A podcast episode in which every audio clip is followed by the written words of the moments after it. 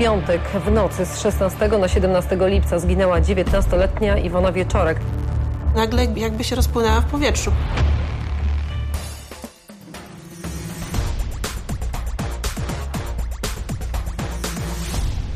Cześć, witajcie w 158 odcinku podcastu Antyweb po godzinach przed mikrofonem Konrad Kozłowski. Ostatnie lata należą do tematyki true crime. Tutaj oczywiście prym wiodą dokumenty i podcasty. na platformie Viaplay 30 czerwca debiutuje trzyodcinkowy dokument opowiadający o sprawie zaginięcia Iwony Wieczorek. To sprawa, którą cała Polska żyje tak naprawdę od ponad dekady. I właśnie ten materiał domyka niejako niektóre wątki, e, przedstawia także nowe teorie, fakty, komentarze i opinie. A moimi gośćmi są dzisiaj osoby odpowiadające za powstanie tego dokumentu pani Basia Wiśniewska-Grzesiak, producentka wykonawcza ze strony Viaplay oraz pani Beata Tabak, producentka i współautorka scenariusza. Bardzo się cieszę, że mamy okazję porozmawiać w okolicach premiery dokumentu. Dzień dobry, bardzo miło, dziękuję za zaproszenie. Dzień dobry, ja również dziękuję za zaproszenie. Chciałbym zacząć od być może najbardziej ogólnego, generalnego pytania, które nasuwa się e, zaraz po tym, jak dowiemy się, że, że ten dokument powstał. I chodzi oczywiście o timing, o czas. Dlaczego właśnie teraz? Dlaczego 13 lat e, od zaginięcia nadchodzi ten moment, kiedy postanowiono, że, że ta produkcja powinna powstać. No i oczywiście e, zaraz za chwilkę e, follow-up do tego, jak długo trwały prace nad e, tym materiałem. E, to może ja zacznę, e, może tak od ogółu do szczegółu. Platforma Viaplay ma niejako w DNA produkcję True Crime, więc interesuje nas tematyka taka, nie tylko tutaj na rynku polskim, e, ale w ogóle e, we wszystkich regionach, w których platforma jest obecna. W związku z tym wszelkie tematy true crime są dla nas niezwykle interesujące Trzeba jednak pamiętać, że powinny to być tematy, które są relevantne dla polskiego widza. W związku z tym w naturalny sposób ta tematyka jest zawężona do y, zdarzeń, które miały miejsce w Polsce. Y, nie y, chcemy też, żeby to były tematy, które są zbyt odległe w czasie. To znaczy, one powinny być w miarę aktualne no bo tak jak powiedziałam, istotna jest ta relewantność tematów i zdarzeń. No a ponieważ, tak jak Pan powiedział, sprawa Iwony Wieczorek y, jest sprawą, którą y, no, żyje Polska już od jakiegoś czasu, była to dla nas sprawa, która jest niejako naturalnym wyborem. E, chcieliśmy się przyjrzeć jej z bliska, chcieliśmy przeanalizować, bo y, funkcjonujące w obiegu hipotezy. Chcieliśmy trochę uporządkować ten narosły przez lata y, materiał. No i tym sposobem y, dotarliśmy do mamy Iwony, która y, wykazała gotowość uczestnictwa w tym projekcie. No i, i, i tak powstał serial. Pracę nad dokumentem zaczęliśmy ponad rok temu. E, była to długa, e, bardzo wymagająca i żmudna praca. E, pewnie Beata podzieli się większą ilością szczegółów w tej kwestii. No i postanowiliśmy o premierze teraz, dlatego że no też nie ma sensu, że w momencie, kiedy program jest gotowy, żeby czekać e, z jego pokazaniem szerszej publiczności. W związku z tym no, wszystko było bardzo takie naturalne i płynne, e, jeśli chodzi o samo przygotowanie e, dokumentu, a także czas jego premiery. No, tak się składa, że zbliża się kolejna rocznica zaginięcia Iwony. No więc gdzieś tam wychodzimy też na przeciw oczekiwaniom naszego widza, natomiast nie ma w tym y, nie ma w tym jakiejś tam y, gry i y, działania pod publiczkę. jest to po prostu organiczna praca nad serialem. I myślę, że to właśnie będzie ten właściwy moment, by zapytać e, Pani Beato, jak zaczyna się pracę nad tego typu dokumentem. Ogrom materiału, ogrom osób zaangażowanych na przestrzeni tylu lat w tę sprawę.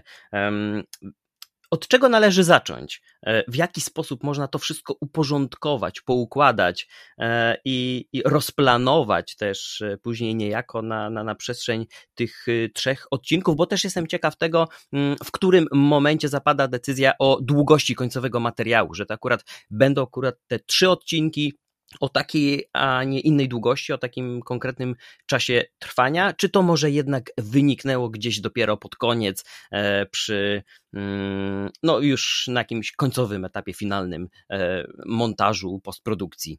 Zacznę od tego, że aby zrealizować taki serial czy taki temat, to trzeba się interesować tą sprawą a, przez wiele lat i to dłużej niż trwa sama produkcja. Ja ją śledzę od kilku lat i też dosyć długo zbierałam e, o niej materiały. W ostatnich latach zresztą, i to myślę, że jest zauważalne dla wielu osób, e, znów e, było coraz głośniej o tej sprawie. Może dlatego, że nasze służby, a szczególnie Archiwum X do niej wróciło, zainteresowało się i próbuję znaleźć rozwiązanie, co tak naprawdę tam się wydarzyło. Research nasz do serialu trwał kilka miesięcy. My rozmawialiśmy i docieraliśmy do wszystkich osób, które były w jakikolwiek sposób związane ze sprawą, e, do osób pracujących przy tej sprawie w policji, w różnych służbach, do znajomych Iwony, do osób piszących o sprawie, e, dziennikarzy. E, zbieraliśmy informacje o tym, co tam co tam się wydarzyło, co, jakie były możliwe scenariusze. E, ta sprawa e, początkowo była właściwie prostą sprawą, jedną z wielu.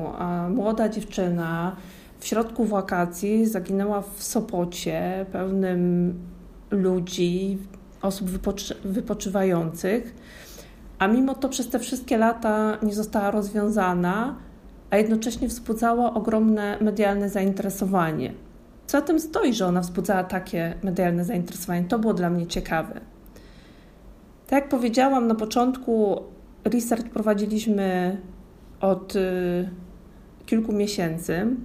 Już w jego trakcie zaczęliśmy realizować wstępne zdjęcia, ale na pytanie, kiedy zdecydowaliśmy o tym, że serial powinien mieć wymiar trzyodcinkowy, trudno mi jest podać konkretną datę. To wynikało ze sposobu pracy nad tym e, serialem, nad tym, jak ta historia przebiega.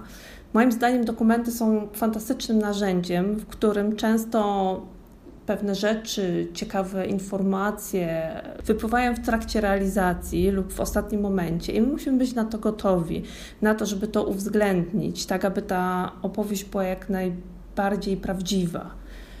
Tak więc długość E, trwania, czy długość samych odcinków, to już jest etap montażu, czyli praktycznie ostatni etap e, tego procesu, kiedy mamy już wszystkie materiały, mamy zgromadzone informacje, mamy nagrane wywiady i wówczas siadamy do tego montażu i opowiadamy tę historię już przy pomocy obrazu lub dźwięku. Przy programie pracowało kilkadziesiąt osób e, i mam tutaj na myśli nie tylko redakcję, operatorów kamer, czy reżysera. Także mieliśmy e, współpracowników i konsultantów, którzy pomagali nam e, zrozumieć, e, co tam się wydarzyło. Mm, wyjaśniali pewne aspekty, także prawne, i pomogli i wspierali przy opowiadaniu tej historii.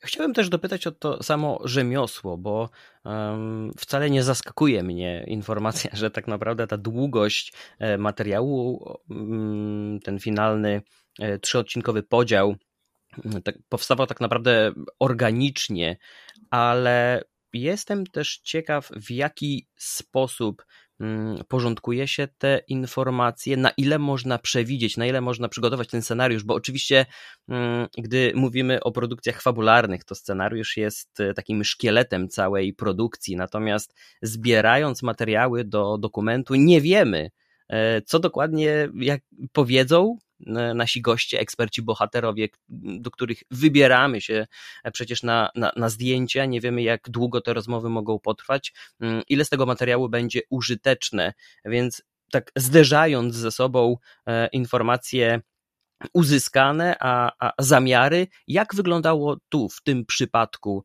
E, jak dużo zaskoczeń, jak dużo ujawnionych informacji się pojawiło e, ze strony gości, no, których tak naprawdę się nie spodziewaliście? Ja tylko chciałam dodać jedną rzecz, może na wstępie, zanim Beata, ty opowiesz o szczegółach że y, wbrew pozorom praca nad dokumentem to też jest praca ze scenariuszem, to znaczy my musimy mieć jakąś wizję w głowie tego, co chcemy powiedzieć i z kim rozmawiać. Czyli najpierw nadajemy ramy takie merytoryczne, nadajemy w myślach kształt tego jeszcze nie powstałego dokumentu decydujemy się, kto będzie głównym głosem opowiadającym tę historię, decydujemy, od czego zaczynamy, od czego wychodzimy, z czym chce, chcemy widza zostawić, tak?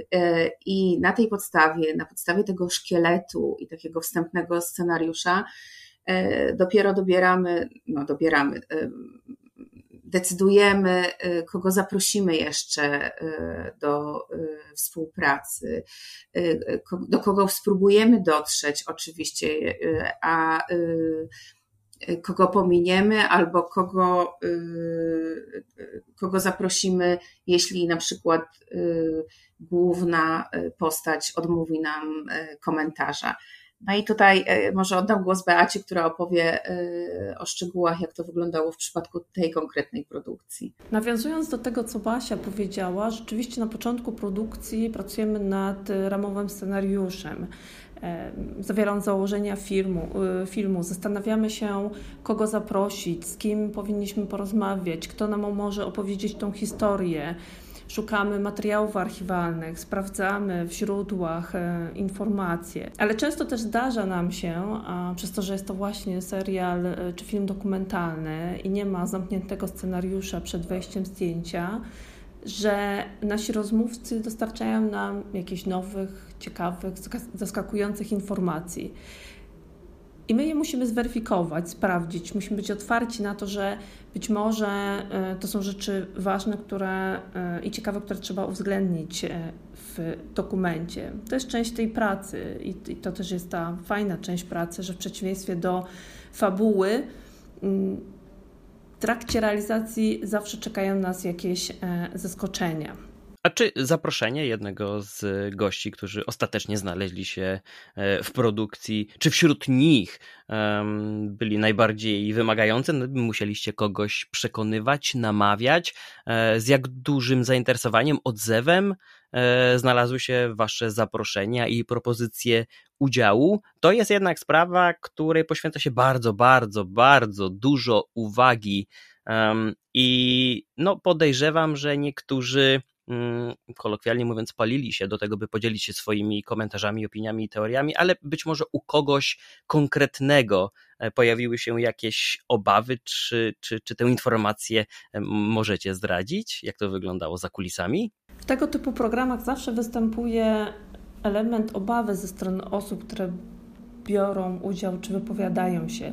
Obawiają się, jak zostaną odebrane, czy to będzie naturalne, jak inni zareagują.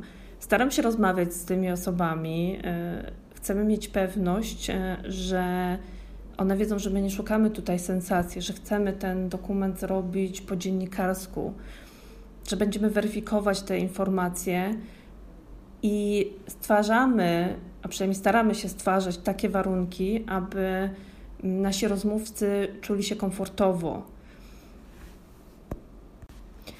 Oczywiście na początku część osób się wahała, tak?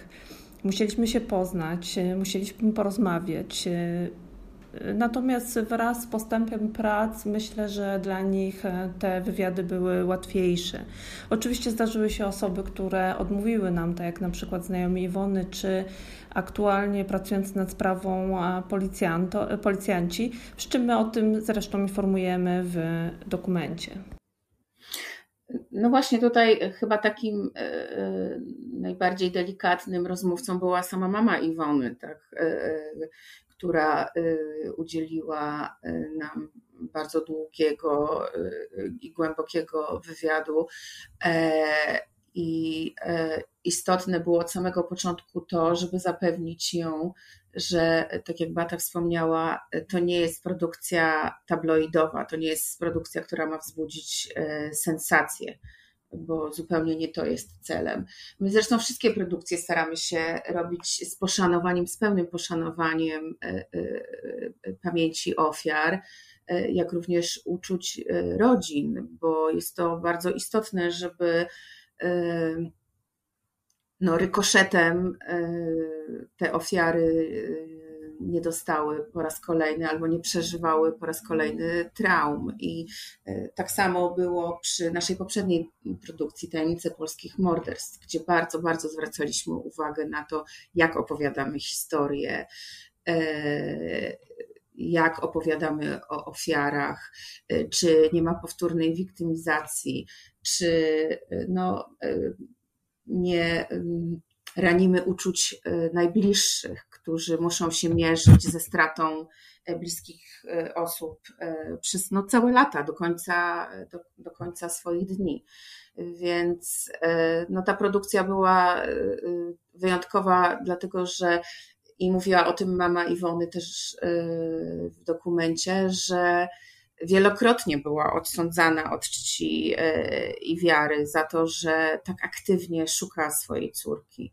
Więc nie chcieliśmy e, jej stawiać e, w, taki, w takim świetle, że, że ona próbuje coś na tym zyskać, na tym ugrać, że, że jest to promocja jej osoby, bo absolutnie nie było to naszym celem, bo chcieliśmy po prostu dać jej głos. Przy wielu produkcjach, a tutaj w przypadku e, sprawy Iwony Wieczorek chyba w szczególności, tym bardziej, że nie mamy e, konkretnych dowodów, poszlak, informacji, faktów, które mogłyby e, przeważać szalę na stronę którejkolwiek z teorii czy tez, ale mimo wszystko wydaje mi się, że zachowanie tego obiektywizmu jest zawsze pewnym wyzwaniem. Gdzieś wewnętrznie, emocjonalnie, e, mentalnie możemy skłaniać się ku jednemu rozwiązaniu czy drugiemu.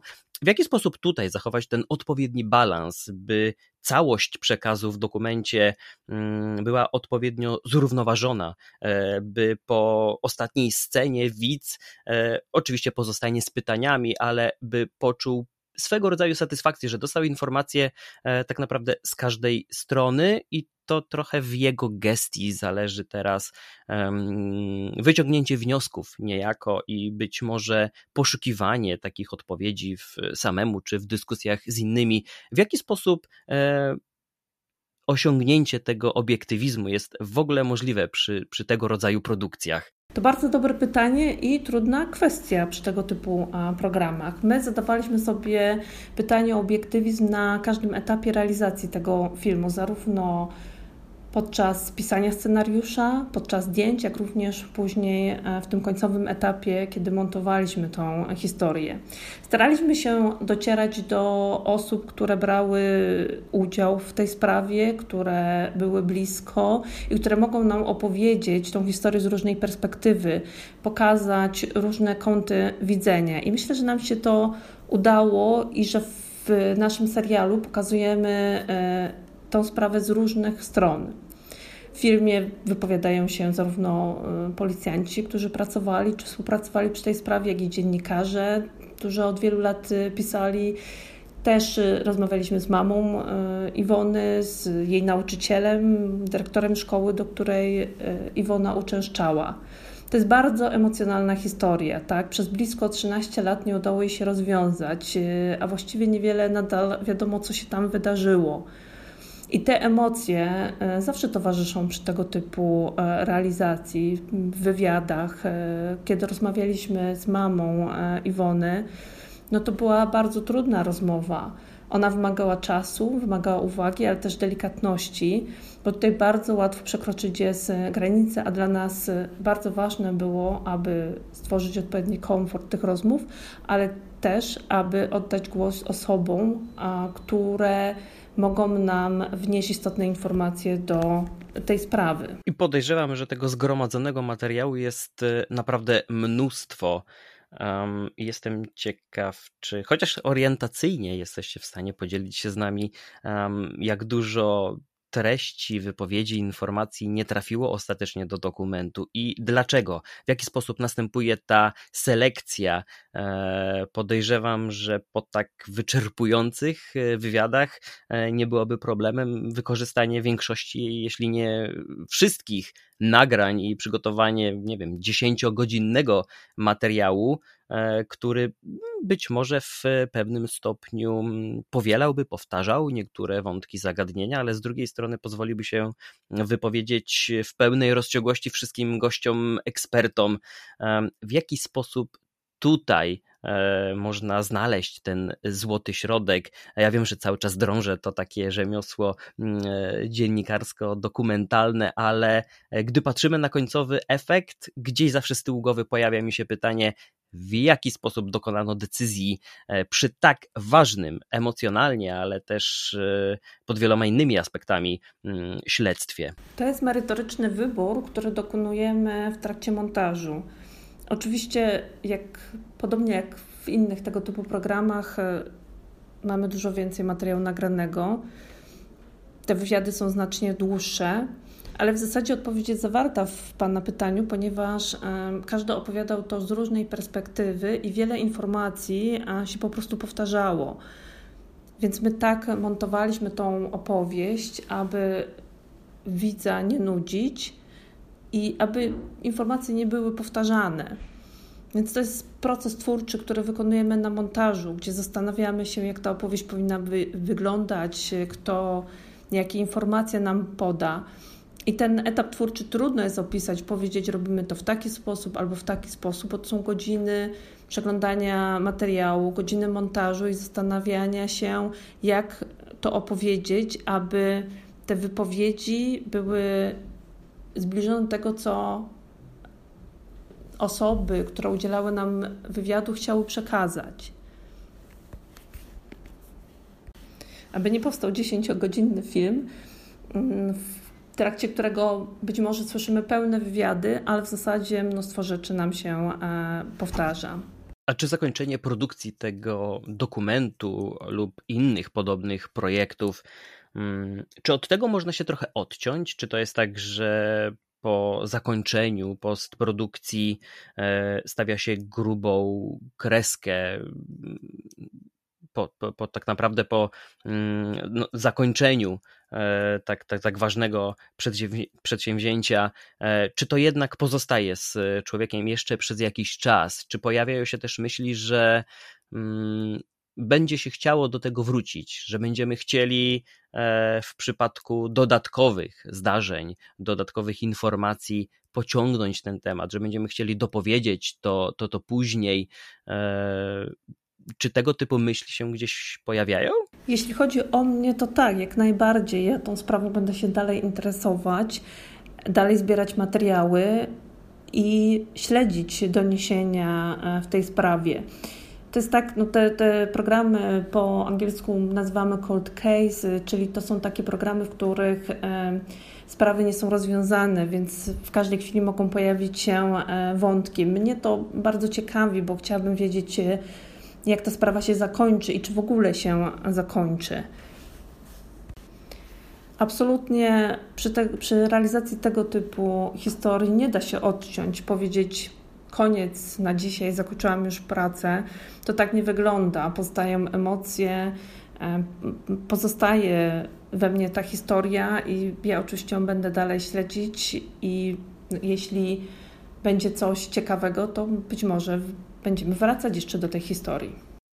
My jako nadawca też oczywiście y, y, chcielibyśmy mieć tę możliwość, żeby y, dostarczyć naszym widzom niejako kontynuacji historii. Natomiast też trzeba pamiętać, że my nie jesteśmy e, kanałem newsowym, w związku z tym musiałby naprawdę nastąpić przełom w sprawie, akurat tej konkretnej, żeby się pokusić o kontynuację, no bo nie ma sensu na przykład produkować kolejnego odcinka czy całej serii, jeśli nie ma się po prostu y, rzetelnych, nowych materiałów, tak? Bo powtarzać starą historię y, można bez końca, tylko też trzeba być uczciwym wobec widza. Y, więc my, jako nadawca, oczywiście, i ja osobiście, ja też będę śledzić dalej tą historię, bo ja też się po prostu przywiązuję do, do naszych bohaterów, bez względu na to, czy są to bohaterowie mm, takich dokumentów True Crime, czy są to y, bohaterowie innych y, produkcji dokumentalnych czy rozrywkowych.